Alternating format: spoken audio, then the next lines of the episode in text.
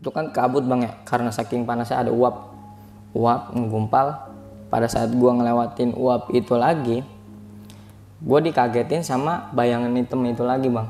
Oke. nggak lama dari gua ngedengerin itu bang. Mungkin gua ngedenger jelas ini sejelas jelasnya suara orang lagi jikiran kayak seperti di rumah orang tahlilan gitu. Jelas sejelas jelasnya mungkin bisa gue gambarin lebih jelasnya bang ya Eh, ada penyebutan kata la ilaha illallah la ilaha illallah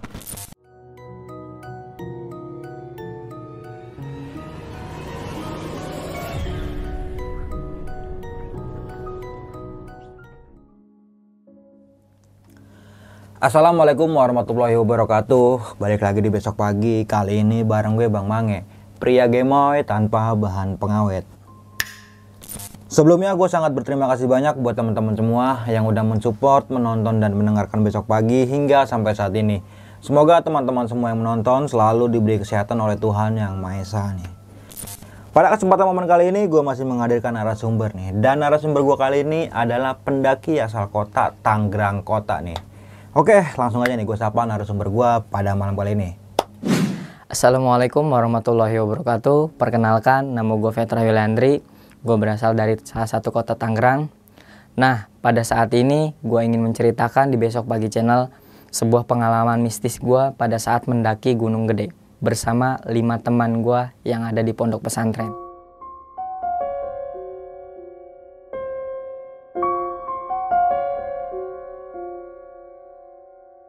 Nah di segmen momen kali ini kan lu pengen menceritakan tentang pendakian lu di Gunung Gunung Gede bang, Gunung Gede ya via via Cibodas. Cibodas nih Dan pastinya banyak banget nih hal-hal yang lu alami nih pada pendakian tersebut ya Benar bang. Sedikitnya nih bang, lu mengalami gangguan apa aja sih ketika pendakian lu pada saat itu?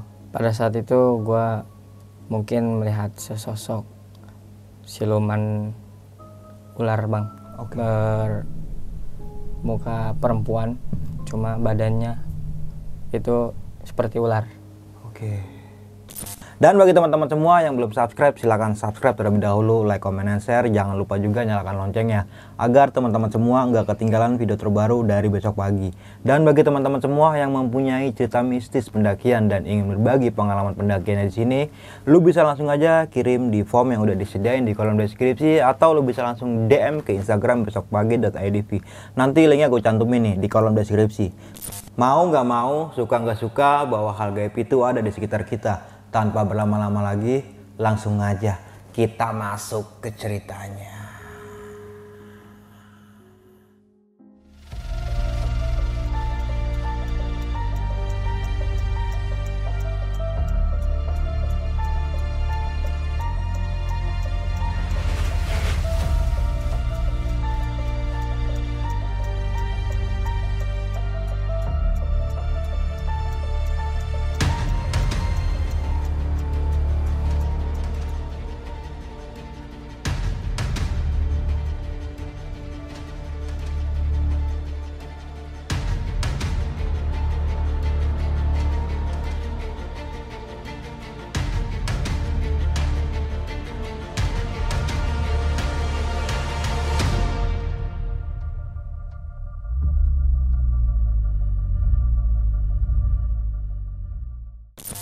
Gunung Gede Pangrango nih di tahun 2022 ya. Iya bang.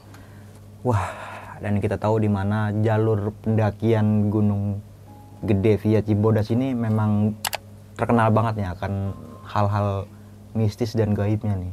Dan salah satunya lo nih yang merasakan kejanggalan ketika pendakian lu pada saat itu ya. Benar bang. Nah, lu bisa jelasin lagi nggak sih atau lu ceritain dari awal kejadian hingga lu bisa kembali lagi dengan ke rumah dengan selamat ya pastinya. Silakan Bang Vetra. Oke, terima kasih sebelumnya Bang Mange udah mem- mempersiapkan buat cerita ini. Oke. Jadi awal pertama itu kita ngerencanain karena pada saat itu kita liburan pondok pesantren Bang. Oh, berarti Vetra ini salah satu jebolan pesantren ya? Iya Bang. Oke. Jadi ada salah satu adik kelas juga yang mau ikut pendakian Bang. Pada saat itu kita berlima. Nah empat orang ini baru pertama kali Bang untuk pendakian ini. nah salah satu temen gue ini yang dari pondok pesantren juga dia sudah pernah mengalami lah istilah katanya sering ke Gunung Gede oh, ini di baratnya senior lah ya Nah, jadi gue ngerekrut dia buat jadi pemandu kita karena pada saat itu emang gue juga baru pertama kali ke Gunung Gedenya ini. Nah, oke lah kita sepakat semuanya tuh. Nah, pada tanggal 2 bulan Februari kita berangkat itu pada saat itu kita kumpul di salah satu pondok pesantren gue yang ada di Bogor, Bang. Kita tanggal 2 berangkat. Gue masih ingat banget itu jam 2 malam dari Bogor ke arah puncak, Bang. Ke arah gunungnya itu Gunung Gedenya. Sampai-sampai tuh gue masih ingat kita sampai sono ketika sesudah azan subuh, Bang. Sampai di base campnya. Nah, pada saat itu gue milih di base camp Cibodas.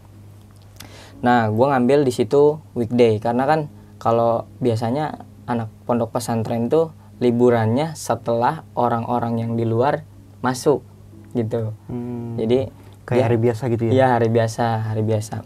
Pada saat itu gue naiknya juga hari biasa. Sampailah kita nih di base camp bang, sekitar jam setengah empatan lah pokoknya subuh setelah jam subuh. Kita rapi-rapi, packing-packing itu di base camp teman gue yang udah pernah sering ke situ tuh, direkomendasiin sama dia di base camp itu aja. Nah kita minjem tenda juga kan pada saat itu belum punya tenda, minjem tenda dan lain sebagainya. Pada saat itu gue bilang ke teman-teman adik kelas gue buat kita sholat subuh dulu Hmm. biar enak gitu sholat subuh yang lain sholat subuh gue sama temen gue nih yang udah sering ke situ buat packing packing semua barang bang. Kita bawa 5 carrier. Jadi salah satu di antara kita ada yang gak bawa carrier. Oke. buat gantian aja gitu kalau capek. Singkat cerita kita udah tuh bang. Packing packing semuanya. Tinggal kita prepare pribadi. Seperti mandi dan persiapan diri yang lainnya. Sampailah pada saatnya kita di jam setengah enam bang.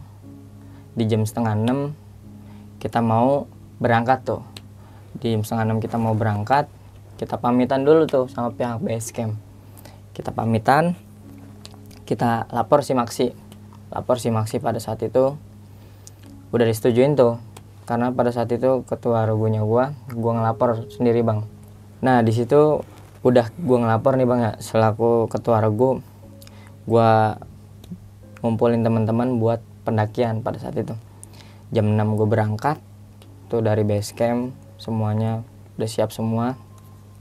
Gue di situ ngebuka jalan bang. Temen gue yang udah pengalaman itu dia sweeper di paling belakang dia ngamanin. Jalan tuh aman-aman aja bang pada saat itu. Kita jalan-jalan-jalan sampailah kita pada saat di Telaga Biru bang. Di Telaga Biru ini mungkin awal teror mistis gue pribadi bang. Pada saat itu teman-teman gue istirahat mungkin ada shelter bang yang tempat jualan orang tuh di Hmm, belakang di sini ya Telaga Biru di sininya shelter kan nah seberangan dia ya Iya seberangan. Nah, gua udah naruh carrier gua di shelter itu, gua ngeliat telaga biru bang. Namanya telaga biru kan segar tuh bang, yang warnanya juga biru. Enak lah, gua mau berinisiatif buat cuci muka bang. Cuci muka di situ, karena mungkin kata gua "Ih, segar nih, karena kan dari base camp ke telaga biru lumayan cukup menguras tenaga juga kan. Pergilah gua ke telaga biru, gua numpang-numpang. Setelah numpang-numpang, baru gua cuci muka. Cuci muka gua ngebilas dua kali, nggak lama gue ngeliat ke situ. Nah pas banget di depan mata gue bang seberangan itu. Itu gue ngeliat sesosok siluman mungkin bisa dijelasin siluman. Perawakannya palanya itu seperti wanita emang wanita rambutnya lurus panjang segini bang. Cuma dari badan sampai kakinya itu seperti kayak sirip ular gitu bang. Gua situ sempat natap 5 sampai 10 detik lah bang lumayan. Gua natap gua heran. Kirain gua apa itu tuh ya sosok itu tuh. Mungkin gua kayak halusinasi gua gua berusaha cuma buat cuci muka lagi gua cuci muka pas gua cuci muka yang kedua kali gua ngeliat itu udah nggak ada bang. Tiba-tiba ngilang dalam hitungan detik aja dalam hitungan gua cuci muka. Nah, di situ gue langsung ke belakang ke teman-teman gue gue bilang yuk kita jalan. Karena dalam situ firasat gue udah gak enak bang. Gue jalan semuanya sama teman-teman. Jalan baru kita ngelewatin jembatan cinta itu bang Oke. jembatan cinta yang piunya langsung ke Gunung Pangrango ya. tuh nggak lama dari situ kita berangkat lagi bang ke arah pertigaan Curug Ciberem. Kalau kalau Curug Ciberem ke kanan kalau arah pendakian ke kiri bang naik. Sampailah kita di pertigaan itu bang singkat ceritanya. Sampai di situ nah teman-teman gua dia kayak ngerapet gitu bang eh, istirahatnya di siku pertigaan itu. Oke. Nah, gue sendiri agak masuk sedikit ke arah Curug Ciberem ini bang, ke jalur Curug Ciberem. Cuma nggak terlalu jauh. Nah, gue duduk situ, gue senderin carrier gue, gue begini bang, santai, sambil istirahat lah. Kan di depan itu di de- depan pandangan gue itu kan pohon-pohon tinggi bang, pohon-pohon gede. Nah, di situ entah kenapa gue ngeliat lagi sesosok nenek-nenek rambutnya putih kayak udah tua gitu tua renta Eh, mukanya juga keriput terus perawakannya itu pakai kemben-kemben Sunda gitu bang. Nah gue lihat itu dia gue lihat sampai bawah dia napak. Cuma nggak pakai sendal itu bang.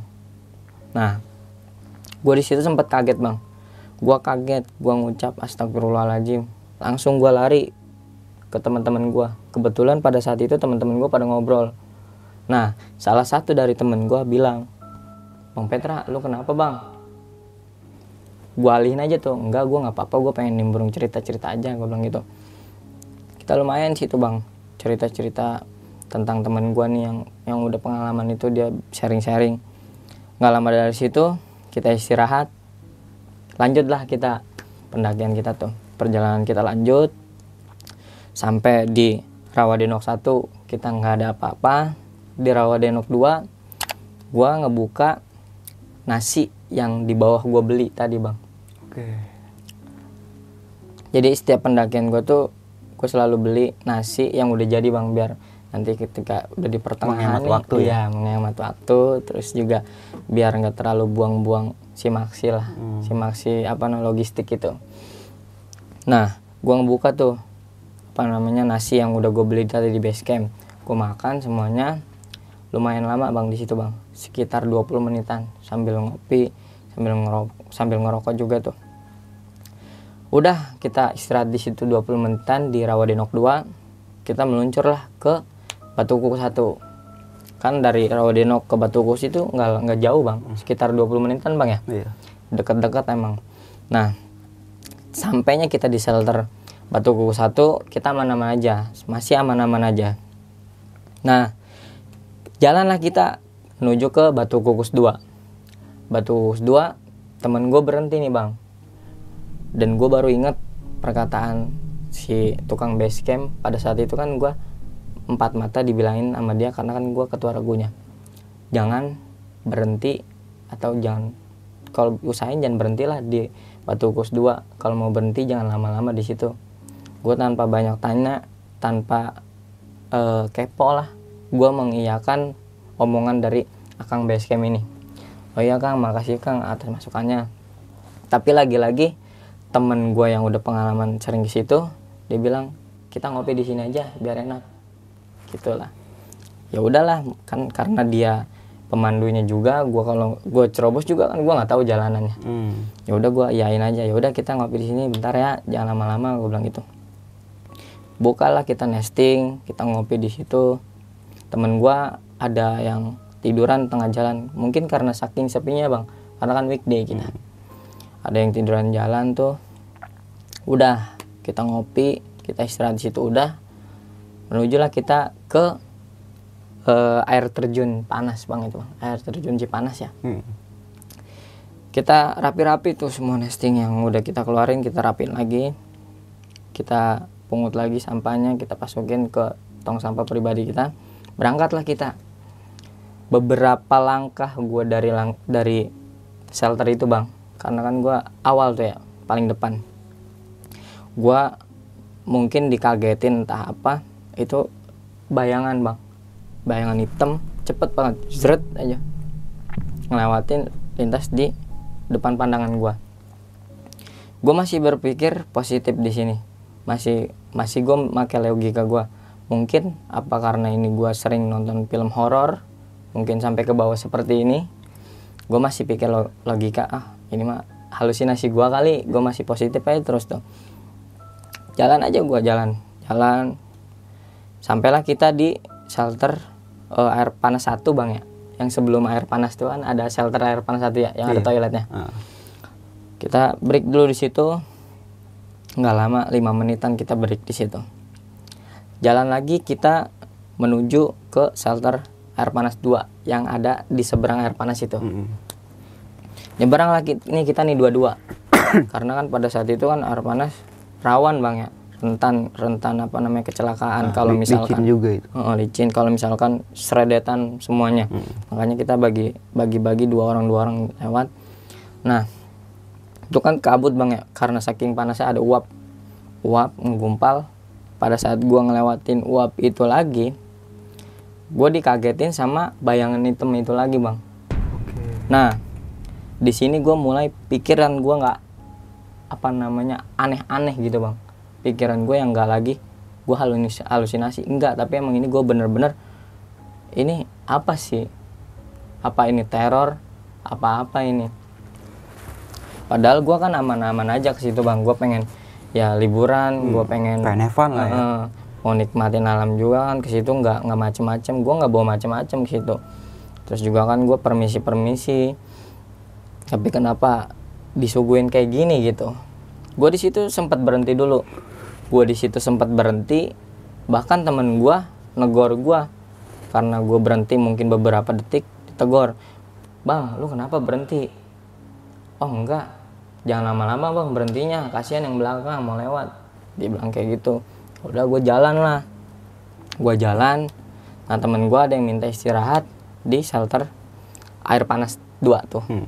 yang setelah kita ngelewatin air panas Itu itu, enak banget tuh buat berendam kaki di situ. buset. Anget ya, adem. bentol-bentol langsung. Pas dicabut tuh kaki udah tinggal makan doang. Mateng tuh. Dah temen gua ada yang minta istirahat di shelter air panas dua tuh bang. Yang kanannya jurang tuh ya yang kirinya shelter. Kita apa namanya istirahatnya yang di kanan tuh bang. Rebahin kaki situ. Istirahat. Nah pokoknya gua di situ nggak mau lama-lama bang lah. Karena kan semakin lama kita istirahat gitu semakin kaku badan. Iya. karena kan semakin tinggi semakin dingin. Jadi kalau misalkan banyak diistirahatin kaku ntar badan kita yang ada. Jadi memina- meminimalisir hal tersebut biar kita tetap gerak gitu. Nah gua nggak lama istirahat di situ gua menuju eh, pos kandang batu yang lumayan bisa buat ngecamp juga tuh bang. Iya. gua menuju pos kandang batu bang. Pos kandang batu di situ gua sampai sekitar satu jaman gua da- dari dari itu bang. Dari shelter air panas 2 ke kandang batu satu jaman karena gua jalan santai bang sekitar satu jaman gue sampai di pos kandang batu kan di situ ada pohon gede bang yang udah tumbang Mm-mm. mungkin itu dijadi alas buat istirahatnya pendaki gitu bang Kayak kayak bangku gitu lah. iya iya kayak Kayak bangkunya nyender pendaki gitu gitu, ya. enak banget gitu ngerebahin masya allah nikmat mana lagi yang didustakan Mantap. nah situ bang nggak nggak tahu kenapa di situ semuanya emang kelelahan bang. Pada ketiduran di situ. Lumayan lama sih. Sekitar 30 menitan kita pada tidur situ. Karena emang capek kali ya. Nu udah lumayan jauh juga kita perjalanan. Bangunlah ini kita dari kandang batu. Bangun semuanya. Pas bangun kita bilang mau lanjut apa mau istirahat lagi? Gua bilang gitu bang lanjut aja bang. Kita udah puas tidur katanya. Lanjut nah. Kita lanjut ke kandang badak bang. Pos kandang badak eh, mungkin pos terakhir kita buat ngecamp kali bang ya? Iya. nah jalan-jalan-jalan itu mungkin sekitar satu jam setengah bang dari kandang batu kandang badak ya. Nah sebelum pos kandang badak itu kan ada air terjun bang. Oh iya. Di sebelah kanan tuh. Ah, iya. Lebih tepatnya di sebelah kanan pas belokan. Mau ke atas. Itu gua nggak tahu nama air terjunnya apa. Gue sempat berhenti di situ bang. Sempat berhenti di situ. Gue natap ke air, air terjun itu. Eh enak banget nih segar banget ya. Gue natap mata gue main ke mana-mana. Itu nenek-nenek yang tadi di bawah bang curug Ciberem. Itu ada lagi bang di situ. Duduk posisinya duduk perawakannya sama pakai bajuannya juga sama cuma lagi duduk di batu. Duduknya duduk biasa gini. Dan itu berhadapan-hadapan lagi sama gua. Nah pada saat itu gua nggak ambil pusing. Gue berpikir lagi ini bukan halusinasi gue lagi. Ini emang bener-bener real nyatanya. Ya mereka seperti itu gitu. Menampakkan seperti itu. Apa namanya gue disambut seperti itu ya udah gue tanpa berpikir panjang teman-teman gue gue suruh ayo buruan kita kelarin aja kandang badak. Karena bentar lagi karena kan tandanya pengen kandang badak tuh ketemu air terjun itu bang ya? Ah. terus kadang kadang kedengeran airnya kadang enggak iya. Itu ciri-cirinya ka- kalau mau ke nyampe di kandang badak mungkin bang ya?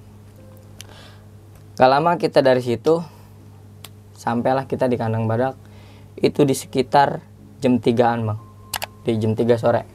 Jam 3 sore itu kayak gerimis gitu bang. Nggak tahu kenapa tiba-tiba gerimis padahal cerah-cerah aja tiba-tiba gerimis. Itu gue buru-buru sama temen-temen buat ngerapihin tenda buat bikin tenda buat rapi-rapi semuanya buat istirahat. Nah ada yang bagi tugas bang. Ada yang bikin tenda ada yang ngambil air. Nah gue bagi tugas yang ngambil air dua orang sisanya kita bikin tenda terus kalau udah bikin tenda kita rapi-rapi lah semuanya di situ.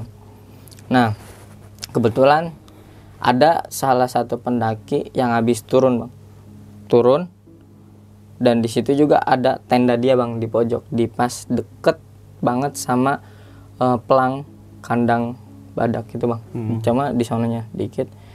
Gue tanya abang habis dari mana bang? Gunung gede apa gunung pangrango? Karena kan rentannya Cibodas itu kan ke gunung pangrango bang ya? Iya. Gue tanya gunung gede apa gunung pangrango bang? Gue habis ke gunung gede bang.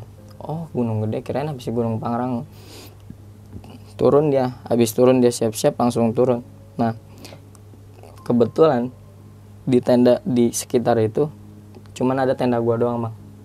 Jadi satu gunung tuh mungkin di Pia itu di Via Cibodas itu ada gua doang. Kloter gua doang enam orang jadi nggak ada siapa-siapa gitu. Nah teman gua nih yang udah pengalaman dia masak nih. Dia masak semuanya. Gue juga bantu-bantu masak. Teman gue dua orang yang ngambil air terus dua orang lagi buat rapi-rapiin semua peralatan kita dalam tenda. Udah kita rapi-rapi baru kita makan. Habis makan kita cerita-cerita ngopi-ngopi bang. Sampai tibalah malam bang. Itu gua di jam 8 malam gue masih melek. Belum bisa tidur bang. Di jam 8 malam gue masih melek dan gue belum bisa tidur. Gue ngajak ngobrol tuh salah satu teman gue mungkin bisa disebut aja si Jaya bang. Jaya. Jaya. Kalau Jaya di sini tetangga gua anak bang bedok. Nah gue ngajak ngobrol si Jaya tuh bang. Kebetulan dia juga belum tidur. Hmm. tapi teman-teman gue yang lain udah pada tidur. Udah gue ngobrol-ngobrol di situ nah sekitar di jam setengah sepuluhan gue ngantuk bang gue pengen tidur nah posisinya itu kita ini pintu tenda tidurnya tuh begini Oke. jadi kakinya di pintu tenda Mm-mm. bukan bukan kita miring gitu ya Nah, nah tidur dah tuh. Kebetulan gue di tengah, posisi gue di tengah, samping kanan gue si Jaya tuh. Tidur dah gue. Biasanya gue kalau pengen tidur tuh, gue sambil ngedengerin musik-musik tenang gitu bang, ya musik-musik indie gitu, yang penenang-penenang buat tidur. Gue dengerin tuh, gue dengerin. Nah, nggak lama dari gue ngedengerin itu bang, mungkin gua ngedenger jelas ini sejelas-jelasnya suara orang lagi jikiran kayak seperti di rumah orang tahlilan gitu jelas sejelas jelasnya uh, mungkin bisa gue gambarin lebih jelas ya bang ya. Uh, ada penyebutan kata la ilaha illallah la ilaha illallah.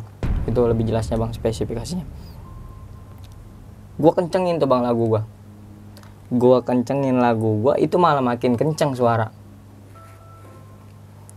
Makin kenceng suara gue panik dong. Wajar manusia panik gue panik. Gue bangunin si Jaya. Jay Jay Jay Jay bangun Jay bangun Jay emang nih orang susah dibanguninnya bang. Kudu digoyak-goyak hmm. kudu dicubit dulu baru bangun. Gue goyak-goyak bang si Jaya bangun dah. Kenapa bang? Dia nanya gitu. Lu ngedenger gak? Baru di posisi ini bang gue berani nyatain senyata nyatanya pengalaman gue ke temen gue pada saat itu aja. Gue bilang Jay lu ngedenger gak? Ngedenger apaan bang? Langsung gue ambil alih bang. Ngedenger burung terbang gak? Gue bilang gitu. Ngedenger burung terbang gak? Ah enggak bang. Oh, mungkin preset gue kali. Itu gue gua ngalihin lagi bang. Hmm. Walaupun gue di situ uh, nyatain senyata nyatanya cuma gue lagi-lagi ngalihin pengalaman gue biar gue biar teman gue nggak kebawa gitu. Cuma ya lagi-lagi gue juga agak risih gitu bang. Pengalaman gue pada saat itu gue juga agak risih. Kenapa gitu? Bisa terjadi hal seperti ini. Udah tuh gue gue masih itu masih kedengeran. Cuma lam gue bacain doa yang udah pernah dikasih sama kayak gue itu mungkin doa yang bisa penangkal-nangkal seperti itu bang gangguan-gangguan seperti itu itu doa emang bener-bener panjang bang. Mungkin kalau misalkan lebih dijelasin kita ngebaca doa itu tiga menit. Saking panjangnya kita ngebaca doa itu tiga menit. Lebih panjang dari ayat kursi ya berarti ya? lebih panjang. Oke. Okay. jadi gue bacain doa itu lama kelamaan itu sedikit-sedikit ngilang sedikit-sedikit ngilang. Panik masih ada. Masih gue masih belum bisa tidur itu di jam setengah dua belasan bang. Gue masih panik masih tegang gitu. Gue mau bangunin teman-teman gue nggak enak udah pada capek. Si Jaya aja udahlah. Temen emang gue deket juga sih sama si Jaya gitu. Gue masih terus gue masih belum bisa tidur. Pada akhirnya gue emang ngantuk. Sengantuk-ngantuknya gue tidurin tuh gue gue tidurin. Pada sampai akhirnya di jam 3 pagi bang. Di jam 3 pagi gue selalu nyalain alarm di jam 3 pagi bang. Di jam 3 pagi ini alarm gue yang nyala gue bangun. Emang gue nggak bisa orangnya sedikit. Kalau tidur orang berisik atau ada gerak apa pun gue refleks gitu bang. Tiba-tiba hmm. bangun kadang kaget gitu. Kayak gue kalau ada suara sedikit tiba-tiba bangun. Apalagi pada saat itu alarm gue teriak gitu kayak orang ketawa. Makanya gue langsung bangun gue bangunin tuh teman-teman gue ayo ayo bangun bangun bangun. Katanya kita mau muncak nih udah jam 3 karena kan pada saat itu dari kandang badak ke puncak gunung gede kan lumayan jauh banget bang ya? Sekitar tiga jaman kan? Hmm. karena kan pada saat itu pos kandang badak ini kan bukan buat ke Gunung Gede, cuma ke Gunung Pangrango ya, lebih spesifikasinya bang ya. Cuma gua ya udahlah kita ke Gunung Gede dulu aja, mungkin lain waktu kita bisa ke Gunung Pangrango. Udah tuh, gue ba bangun, bangunin teman-teman gua. Nah, si Latif lagi sama gua yang bikin masakan. Teman-teman gua pada ngangetin tubuh lah karena dingin kan pada saat itu udah singkat cerita kita jadi tuh jadi masakannya kita makan makan makan ngisi ngisi perut buat summit kita sampailah kita di jam 4 nih bang. Jam 4 kita start. Jam 4 kita start. Tadinya emang kita mau ngejar sunrise cuma kan kita telat bangunnya jam 3 jam 4 kita berangkat dari pos kandang badak nih. Jalan lah kita jalan. Itu kita bawa carrier ukuran 40 liter bang. Itu di situ dalamnya ada uh, air ada makanan ringan ada nesting sama kompor terus juga sama P3K takutnya ada apa-apa di jalan. Itu yang bawa gua bang. Yang bawa gua sampai ke tanjakan setan.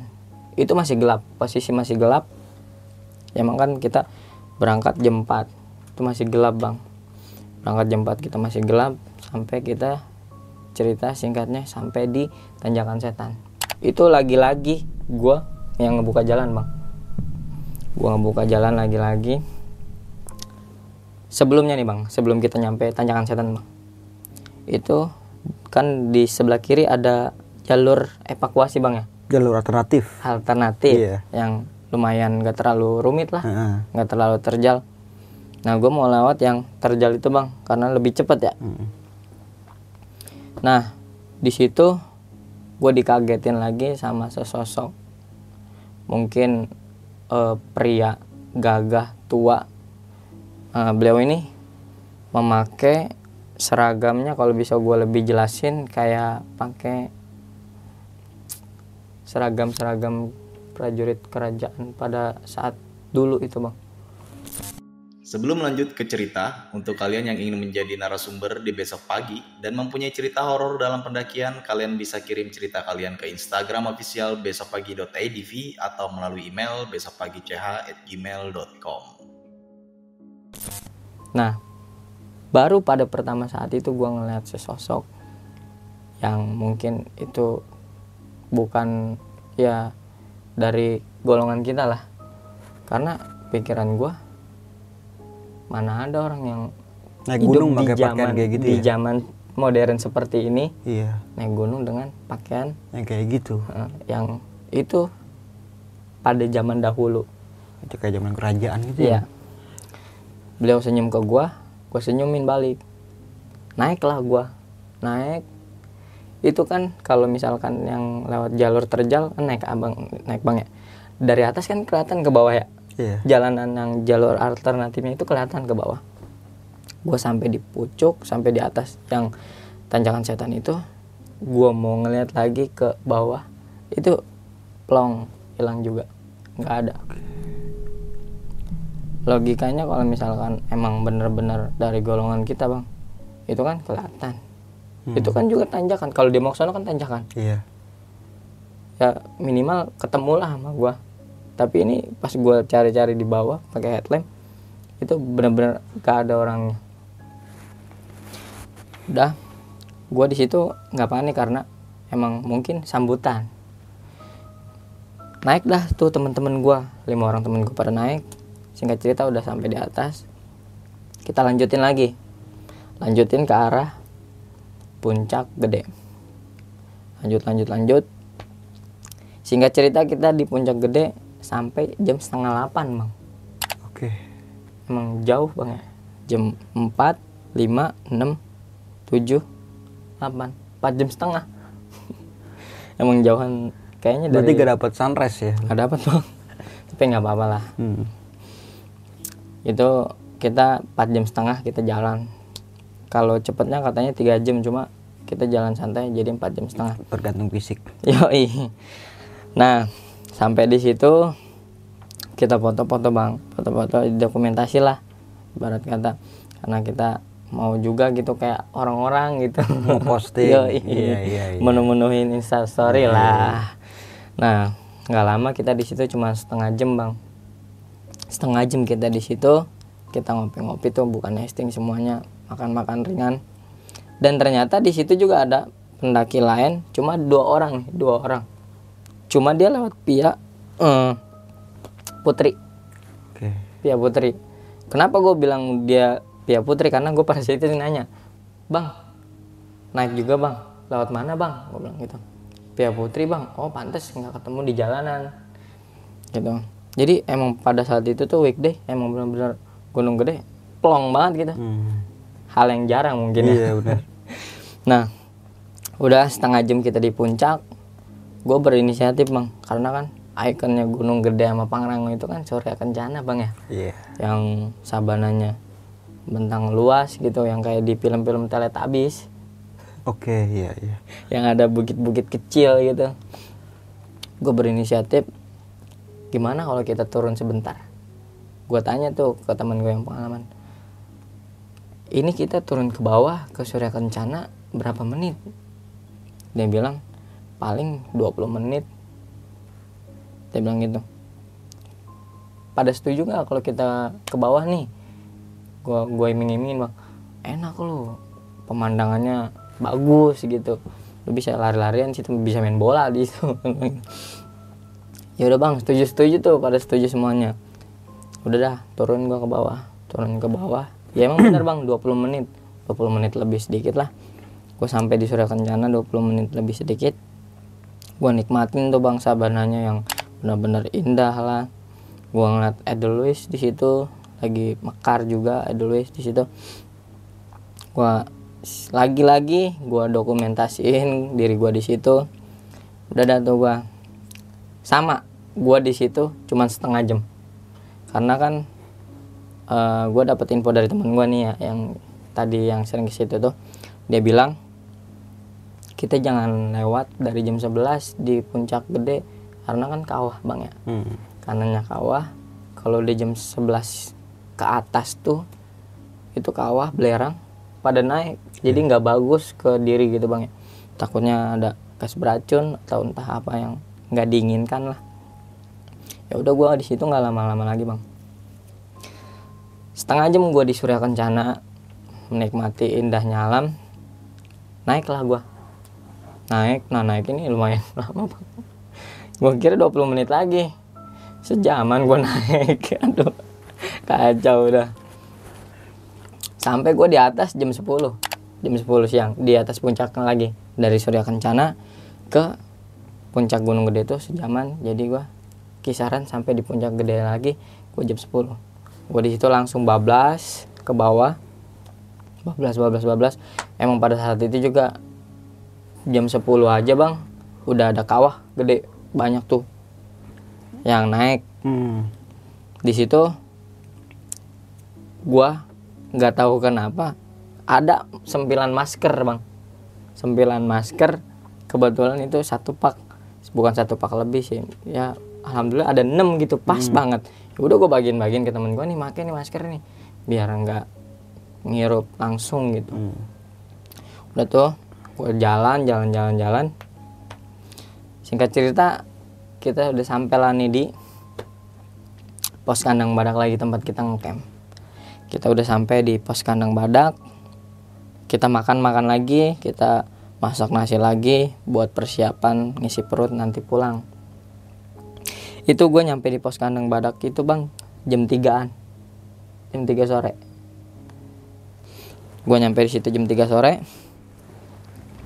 kebetulan ada pendaki yang baru datang. Gua turun dari eh, puncak gunung gede ada pendaki yang baru datang. Itu empat orang cowok semua. Ada bapaknya ada anaknya ada adenya dua adenya yang gue ingat. Sekeluarga dong. kan gue bilang keluarga. Bapaknya anak.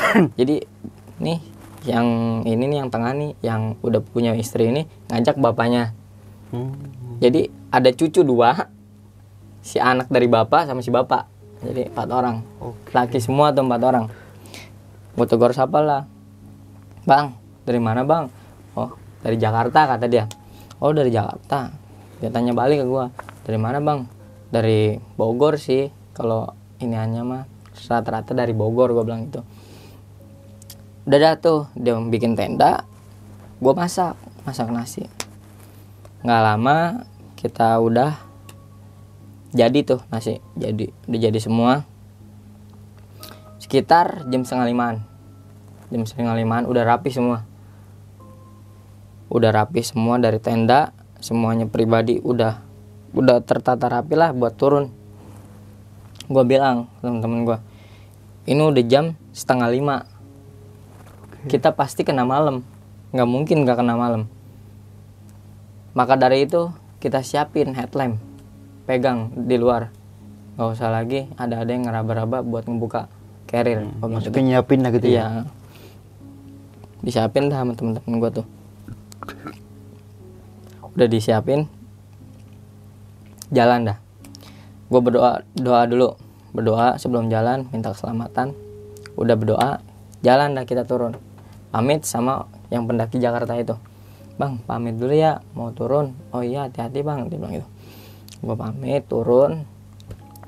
Itu gue ngejar cepet juga bang. Ngejar ekspres gue pokoknya gue setengah jam udah nyampe di shelter air panas satu yang udah nyebrang. Hmm. jadi emang bener-bener gue walaupun gue kena malam setidaknya jangan malam-malam banget lah gitu. Setengah jam. Gue ingat banget setengah jam gue dari kandang badak ke kandang batu loncat lagi ke shelter air panas 2 baru ke shelter air panas satu tuh yang udah ngelewatin air panas. Itu setengah jam gue emang bener-bener saking ngebut lari. Gue istirahat dari situ karena emang karena capek gitu lari mulu. Istirahat di situ lumayan lama 10 menitan bang. Nah kebetulan ada temen gue yang mau BAB untungnya di situ ada toilet bang. Kalau nggak ada toilet gali-gali tuh dia kayak kucing. Iya iya iya. udah lah udah. Sono BAB dulu mumpung ada toilet di situ.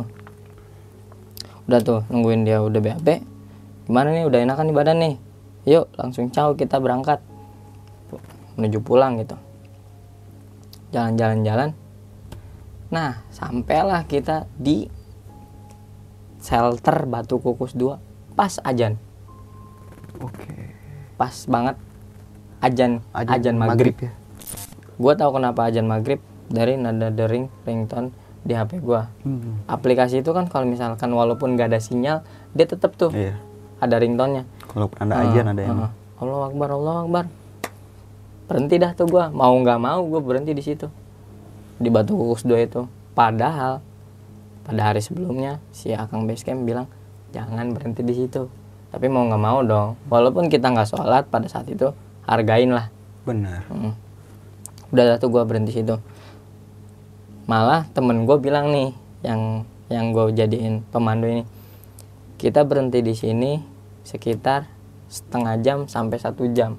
Kaget gue gue gue bantah kenapa? Biar nanti langsung terabas gitu. Jadi nggak berhenti berhenti oh ya udah kalau menurut lu begitu gue bilang gitu. Udah dah tuh gue berhenti situ. Jadi posisi kan shelter yang di Batu Kus 2 itu tengahnya beton bang ya. Kanan kirinya plong tuh langsung ke hutan ya. Hmm. kebetulan gue di paling kiri bang. Di yang belakangnya nggak ada Hutan lah, beton. iya. Mhm. yang plong langsung ke hutan. Rebahin dah tuh gue headlamp belum dinyalain karena kan kita istirahat. Biar biar nggak terlalu boros lah baterai headlamp. Istirahat tuh.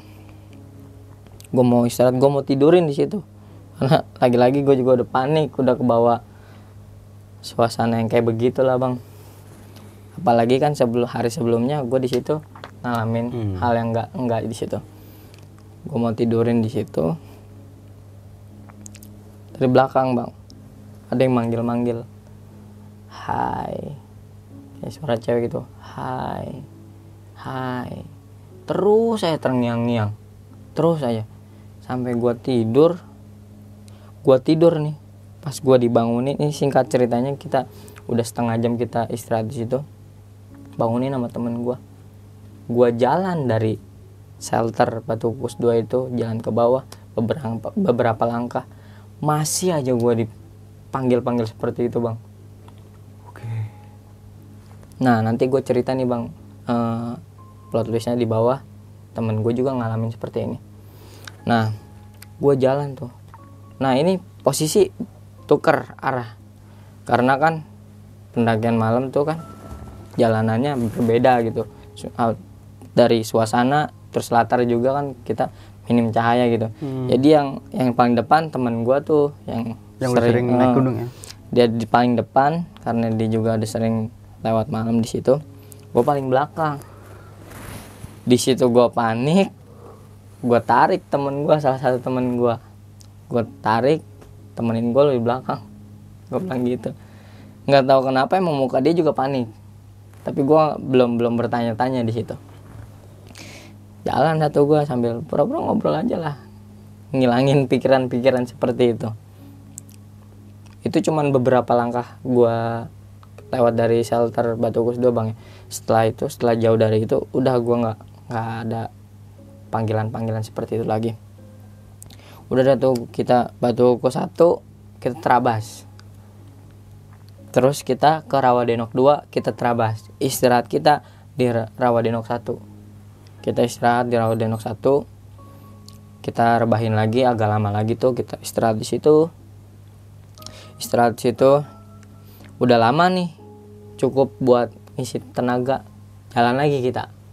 Itu bener-bener bang pendakian pada malam itu emang bener-bener kita doang. Di gunung itu emang bener-bener enam orang doang. Pada saat di jalurnya emang bener-bener kita doang. Gua nggak nggak nemu pendaki yang naik ataupun apalagi turun. Karena kan pada saat itu yang naik gua doang kan. Iya.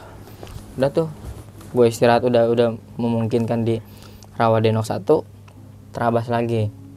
Nyampe di eh, pertigaan Curug Ciberem. Istirahat lagi kita di situ. Di situ nggak ada apa-apa aman-aman aja bang. Aman-aman aja. Turun lagi kita turun. Nah itu kan jalan landai bang. Setelah kita ngelewatin pertigaan Ciberem sama Gunung Gede Pangrango. Jalan landai bang ya. Kirinya kan hutan kanannya kan air aliran kali. Iya, airan kali sungai kecil segini. nah ya sungai Iya. kecil. Itu gua gua kan posisi sebelah kiri. Cuma berdua sama temen gua. Temen gua sebelah kanan emang gimana ya? Jahil apa gimana gitu? Kepala gua mata gua ke mana-mana. Pas gua nengok kiri di selipan-selipan pohon itu kayak gua ngeliat sesosok pendaki perempuan pakai kerudung pakai jaket pendaki juga pakai carrier. Cuma gua nggak ngeliat ke bawahnya. Itu jalan juga bang kayak sejajar gitu sama gua. Sejajar sama gua. Gua ngeliat ke samping. Gugup gua di situ bang. Nggak bisa berkata apa-apa. Gue bilang sampai gugupnya gua gua ketok yang depan. Gua bilang gitu. Sa- saking gugupnya gua udah nggak bisa berkata-kata lagi. Ini apa sih? Padahal gua kan nggak ngapa-ngapain gitu gue juga belum tahu ini apa. Ulah siapa gitu. Gua suruh buru-buru gitu. Saking gua nggak bisa ngomongnya gua gugup gua tepok pundak yang temen gua, yang depan gua. Buru-buru gitu. Di Curug Ciberem eh, maaf di Telaga Biru kita nggak istirahat bablas. Telaga Biru kita nggak istirahat bablas. Terus juga di Jembatan Cinta kita nggak istirahat bablas. Pada saat akhirnya kita sampai di base camp itu jam setengah sebelas malam bang. Oke. dan alhamdulillah udah sampai di situ aja teror di situ juga gue sempat cerita cerita sama pihak base camp. Gue menceritakan pengalaman gue yang ada pada saat naik ataupun turun. Terus gue juga sharing ke temen gue ini gue belum ceritain jelasnya bang ya pokoknya puncaknya itu di batu kukus dua bang. Gue kumpulin teman-teman gue Eh, kira-kira dari teman-teman ada nggak nih yang nge- ngalamin hal aneh gitu yang di luar nalar? Ada dari salah satu teman gue tunjuk tangan. Bang aneh bang dia bilang. Kenapa ente? Gue bilang gitu bang. Di pos batu kukus maaf dia nggak nggak nyebutin pos batu kukusnya cuma dia spesifikasinya pada saat kita istirahat lama gue di situ mengalami kayak suara-suara panggilan teman-teman gue bilang gitu bang pada pada saat itu gue emang benar-benar belum ceritain pengalaman pribadi gue yang itu ke teman-teman Iya. dan itu dia orangnya yang gue tarik ke belakang yang gue bilang muka dia panik Oke, yang buat nemenin lu ya. Mm-mm. Oke. Nah posisi di situ juga dia paling kanan. Gue yang paling kiri yang belakangnya nggak ada beton dia paling kanan yang posisinya nggak ada beton. Dan ternyata hal itu yang, yang ngalamin nggak cuma gue pribadi doang. Tapi ada salah satu temen gue juga ngalamin seperti itu bang. Padahal kan di situ posisinya gue cuman bilang kira-kira ada nggak nih dari teman-teman yang ngalamin hal-hal yang enggak enggak gitu kan gue bilang gue belum ngejelasin pengalaman gue tapi dia udah bilang wah sama berarti nih. Gitu bang. Lebih jelasnya seperti itu. Oke nih Bang Petra, thank you banget nih lu udah mau berbagi pengalaman pendakian lu di Gunung Gede Pangrango ya. Iya bang. Via Cibodas. Kita masuk ke sesi tanya jawab.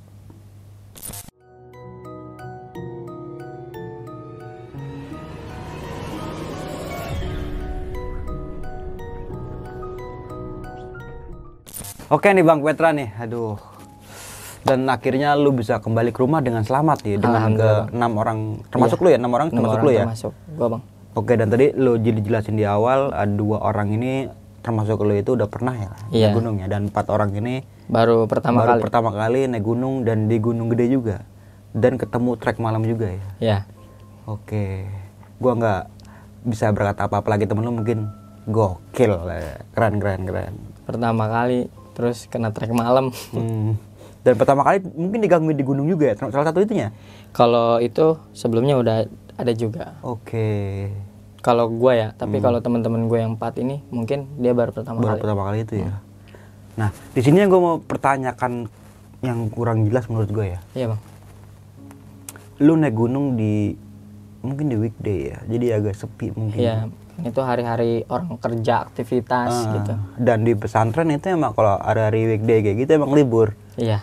oh iya bener-bener banyak kan orang yang jenguk itu dari minggu ya Mm-mm. jenguk-jenguk anaknya apa gimana gitu ya mungkin ya jadi di hari weekday yang ya berangkat atau dengan enam orang rombongan lu ya berangkatnya lu berangkat dari pondok pesantren itu berapa orang eh berapa orang maksudnya menggunakan apa itu sepeda motor, bang. Motor Tiga ya? motor, semuanya berboncengan. Jadi kan enam tuh. Hmm. Dari Bogor menuju ke puncak. Oh, Oke. Nah di sini sama tadi kan lu sempat ngelihat nenek-nenek ya. Iya bang. Nah, lu ngelihat jelas nenek-neneknya apa gimana nih? Mak- Maksudnya gua jarak lu sama jarak nenek itu agak berapa meter gitu jaraknya? Lumayan sekitar 20 meter sih lumayan jauh. Lumayan jauh tuh bang. Hmm. Cuma kan pada saat itu ya hutan yang tinggi-tinggi kan jarang-jarang tuh. Oh iya, berarti uh, pandangan gua tertuju yang langsung ke situ. pe- pepohonan itu cuma tinggi-tinggi ya, Hmm. gede-gede, nggak ada yang kayak alang-alang ilalang gitu ya. ada. Oke, jadi lu lihat real dan jelas banget Jelas itu itu. Dan itu, kedua kali ya lu ngeliat? dua kali pada saat di eh, pertigaan Ciberem sama di air terjun yang mau sampai ke kandang badak gitu bang. Nah, itu yang lu lagi istirahat itu ya. Iya bang. Sama satu lagi nih, tadi kan lu sempat ngelihat di Danau Biru ya. Eh, Telaga biru. Telaga Biru ya. Di Telaga Biru nih sempat ngelihat mungkin dibilang siluman ya. Iya bang. Itu, Itu padahal pagi loh ya. pagi. Iya, sekitar jam-jam 8 apa Iya, jam 7 masih mungkin ya. Pagi-pagi buta lah. Iya. Orang yang jarang ke situ masih masih jarang orang lewat situ gitu. Adapun yang mau wisata ke Ciberem ya nggak mungkin sepagi itu. Nah, apalagi agak siangan dikit ya dan Hmm. di saat semua orang atau rombongan lu pada stay di shelter ya, lu coba buat cuci muka nih. Iya karena gue tergiur gitu bang. Eh, kayaknya Seger ya. seger, adem, telaga kayak, biru. kayak, kayak ada da- daya tarik tersendiri tentang Nah, danau iya, itu nih. Jadi lu menghampiri itu. Terus juga kan gue permisi-permisi gitu. Nah, Permisi. berarti kan jaraknya mungkin nggak terlalu jauh tuh sama lu ngeliat makhluk itu. Iya bang, kayak eh dari sini jelas banget gitu. Ke, Tiga meteran lah. Iya, Oke. ke kamera ini. Iya. Benar-benar jelas gitu real. Cuma pada saat gua gua kan sempat natap itu 5 sampai 10 detik kira-kira ya. Gua sempat natap itu pas gua natap gua mau cuci muka gua lagi pengen gua benar-benar nyatain ini benar apa enggak pas gua nyuci muka yang kedua kali itu benar-benar nggak ada hitungan detik doang kan pasti Oke. Tapi kayak perwujudannya itu yang tadi lu bilang setengah manusia setengah ya ular. setengah badan itu yang Oke. gue liat rambut cuma dia nggak belakangin gue gue nggak ngeliat mukanya Oh, dari cuma kalau misalkan bisa digambarkan kan rambut lurus Hmm. panjang segini pas cewek kan Dan terus badannya juga lihat kecil sisik-sisik ya Ya. ular emang bener-bener ular gitu. ijo kalau gua bisa gambar ijo Ijo stabilo mungkin. enggak ijo stabilo bang ijo agak agak kayak lumut ijo lumut Oke. seperti itu sih bang Dan itu jelas. gede mungkin ulurnya. Lumayan ya kayak badan kita nih bang Masih badan berarti panjang gitu. nah iya panjang Oke, mungkin tapi lu nggak ngeliat jelas bentuknya apa ujungnya ekornya itu ya Enggak, mungkin enggak. ya. Karena Kenapa nggak lu tarik aja kalau ngeliat gitu kan? yang ada gue ditarik balik bang ya tapi emang ini eh, emang menurut gue ya gue pribadi juga pernah eh, ya ada kendala atau ada kejadian yang enggak nyenakin di telaga biru situ dan emang ya gue akuin itu emang gokil sih shelternya Hmm. oke tapi kan lu berarti ini melanjutkan perjalanan lu cuma berenam-enam aja nih nggak ada rombongan lain. Warung juga nggak ada yang buka. Nggak ada. Karena kan gue pagi bang. Pagi banget. Iya. Terus juga weekday kan. Hmm. nggak weekend. Mungkin warung buka kan. Mungkin dia berangkatnya dari base camp jam 8 paling nyampe situ jam 10 oke. Jadi gua nggak ketemu gitu. Mungkin aja. Ya, nah, nah, sa- sama satu lagi nih yang tadi lu bilang lu melihat sosok yang menyerupai prajurit di zaman kerajaan ya. Nah ini sempat Nah, lu gua- sempet tanya lagi gak sih ke base camp apa kakak-kakak gitu? sempat gue tanyain bang ke pihak base camp. Ini sih yang lebih gue detailin pertanyaan gue ke beliau ya. Gue tanya kang punten nih. Sebelumnya mau nanya tadi pada saat di atas pas di eh, tanjakan setan saya nggak sengaja ngeliat sosok kayak laki-laki lumayan tua memakai baju kayak prajurit kerajaan zaman dulu gitu yang besi-besi. Kamu ngelihat deh dan kamu ngelihat. Iya kang. Terus gimana reaksinya? Senyum kang. Terus kamu apain senyumin balik gitu bang. Gua jelasin ya pada saat itu gua ngalamin gua tanya tuh kira-kira itu beliau siapa ya kang Nah, pada saat itu beliau menjawab, ini mungkin belum banyak yang tahu bang ya. Beliau menjawab itu adalah mungkin sesosok yang surken bang. Kalau beliau yang sebut itu, beliau bilang ada beberapa yang bilang yang surken itu yang baju putih putih putih. Hmm. Cuma yang lebih spesifikasinya yang gue lihat itu bang, yang pakai baju kerajaan. Oke. Menurut uh, Si Akang Base Akang Camp. Base Camp, Iya, beranggapan bahwa yang makhluk yang lu temuin itu Eyang Surya Kencana. bener bang. Berarti kayak ada dua versi nih, yang satu Ada pakai baju putih, versi, yang hmm. satu sama yang pakai baju kerajaan gitu ya. Bener bang. Oke. Dan dia tersenyum sama lu enggak? Enggak maksudnya enggak, enggak. enggak Gue ngegalakin kaget, gue gimana kaget. gitu. Cuma ketika beliau tersenyum, gue senyumin balik. Pikiran deng- dengan pikiran gue baik, karena kan Hmm. beliau menyambut dengan senyuman. Iya. Karena kalau orang senyum, tandanya orang baik. Iya, iya. Dan lu ngeliat jelas mukanya. Jelas bang, agak tua. Cuma tuanya nggak tua begini bang, gagah Tua- gitu. tua, tegak Tegak. Ganteng ya. gan ya kalau dibilang ganteng ya ganteng karena pada saat itu pakai baju kerajaan gitu Gagah lah ya. gagah dan pada saat itu gue emang benar-benar baru ngeliat orang kerajaan tuh ya pada saat itu pada saat Hmm, dan biasanya lu cuma ngeliat di film-film TV, apa gimana ah. gitu ya. ini gue benar-benar real selama gue 21 tahun hidup baru ngeliat itu yang real Toh depan kita mata. logika aja. Di zaman modern kayak gini masa naik gunung mau pakai pakai pakaian yang kayak gitu. sulit sih Iya, Karena jarang kan- lah ya. Mau gerak aja susah Susah itu. Kayak baju-baju kayak baju perang gitu kan. apalagi berat karena besi Iya, iya. Aduh. Ya alhamdulillahnya aja lu bisa diterima nih di situ nah gitu dengan baik gitu. alhamdulillahnya bisa disambut dengan baik gitu Iya, enggak. Mungkin karena adanya lu yang lihat sosok-sosok yang kayak gitu mungkin menurut dia oke. Gua ada loh di sini cuma buat nunjukin kayak gitu doang. Karena kan di rombongan lu ini enggak ada yang macem-macem lah ya, enggak ada yang ngomong toksik apa gimana Hmm. Nggak ada, gitu Bang. kan. karena kan Aman semuanya lah. basically kan dari Iya sih. dunia pesantren gitu Gak mungkin sih ada yang kayak gitu dan dan sama satu lagi nih kan lu sempet di tenda ngedenger kayak suara orang tahlilan ya. nah Nah ini yang gue mau bertanya ini ini suara orang tahlilannya itu yang tadi disebut asma Allah kayak gitu kan itu banyak nggak itu kayak orang tahlilan di rumah gitu bang. Hmm. kumpul orang tahlilan. Mungkin abang pernah Iya. ngedengar seperti itu lebih jelasnya. Kayak gitu bang. Berarti kayak rame gitu? Rame nggak banget. sendiri? Enggak padahal kan pada saat itu tenda sendiri doang. Tenda gua doang bang. Iya. tenda kloter gua. Hah. adapun tenda tenda yang orang lain dia pada Agak saat jauh sore ya. itu udah turun kan? Oh itu turun ya? Udah turun kan? Dia turun tuh siang. Pas gua nyampe jam 3 Hmm.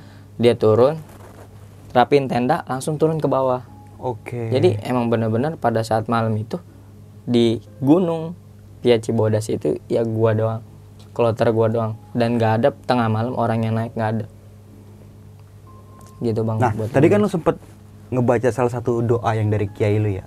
Nah, kalau gue boleh tahu eh, buat teman-teman semua nih kayak misalnya ini disebut referensi lah ya. Kalau kita ngeliat kayak gitu itu baca ayat apa itu doa apa yang kata tadi lu bilang agak agak panjang gitu. mungkin ini agak sedikit sensitif bang Ya. cuma doa ini bisa diaplikasiin atau bisa dibaca khusus kita yang ada eh, ijazahnya Iya, maksud gua kayak ah, namanya doa surat Namanya, apa ah. gitu.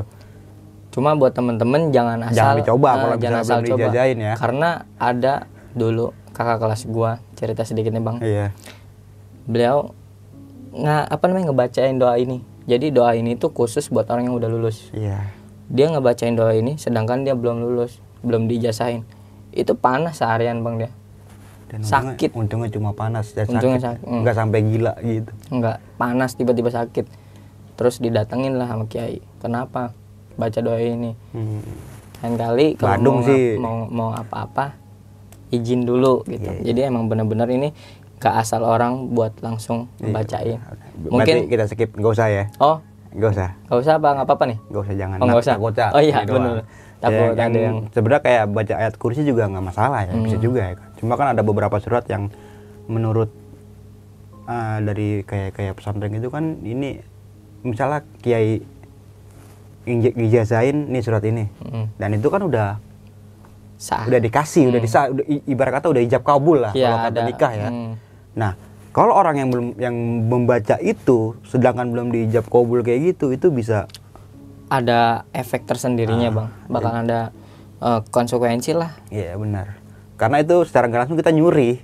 nah ya gitu ya. benar. Nah sama satu lagi nih, lu kan setelah turun itu kan ngelewatin jembatan yang tadi lu bilang jembatan Tinja ya. Itu kan di malam hari ya. Lu ngerasa lama nggak? pada saat itu enggak bang Nggak ngerasa lama ya, aman ya. Normal gitu Normal, maksudnya. hmm. Nggak, maksudnya cepet gitu lewatin jembatan itu. kalau misalkan cepet sih enggak ya maklum lah lama ya karena kan perjalanan malam Iya. kan minim pencahayaan apalagi kan eh, jembatan cinta itu kan sekarang udah mulai mulai hancur gitu bang ada yang banyak bolong-bolong Nah jadi kita hati-hati ya. eh. Ngejeblos tuh ke bawah itu tempat lu tahu nggak tempat syuting apa itu tempat sul- tempat syuting film Anaconda situ. nah sebelum kita mengakhiri video kali ini punya pesan-pesan nih buat teman-teman semua. Oke, untuk teman-teman besok pagi sedikit pesan dan kesan saya buat teman-teman di mana pun dan kapan pun kalian berada, selalu mengingat kepada Tuhan. Apa pun agama kalian, entah dari A, B, C, harus wajib buat mengingat Tuhan kalian agar kalian dijaga. Dan yang kedua, di mana pun dan kapan pun kalian berada, etika etika itu nomor satu. Jangan kalian belakangi etika kalian. Walaupun kalian bukan beras bukan berasal dari orang yang berpendidikan, etika itu nomor satu. Istilah kata kita bertamu ke rumah seseorang minimal kita harus sopan. Begitu juga Benar. ketika kita mendaki gunung, bukan alam yang kita tempati pada saat itu. Otomatis kita seorang tamu. Layaknya seorang tamu kita harus sopan. Kalau nggak mau dijailin, gitu bang. Dan satu lagi nih yang gua tekenin banget, yang gua tambahin banget, bawa kembali sampahmu turun. Wah iya itu jelas banget bang. Oke, itu dia, itu aja sih. Itu itu juga udah nyesek banget. Oke, mungkin itu aja nih dari gua Bang Mange dan juga Bang Petra nih. Ya, gua pamit undur diri. Bila ada kata-kata yang kurang berkenan di hati teman-teman semua, dimohon dibukakan pintu maaf yang sebesar-besarnya. Karena gue berdua ini cuma manusia biasa. Oke, mungkin itu aja dari gua Bang Mange. Sampai jumpa di video-video selanjutnya. Wassalamualaikum warahmatullahi wabarakatuh.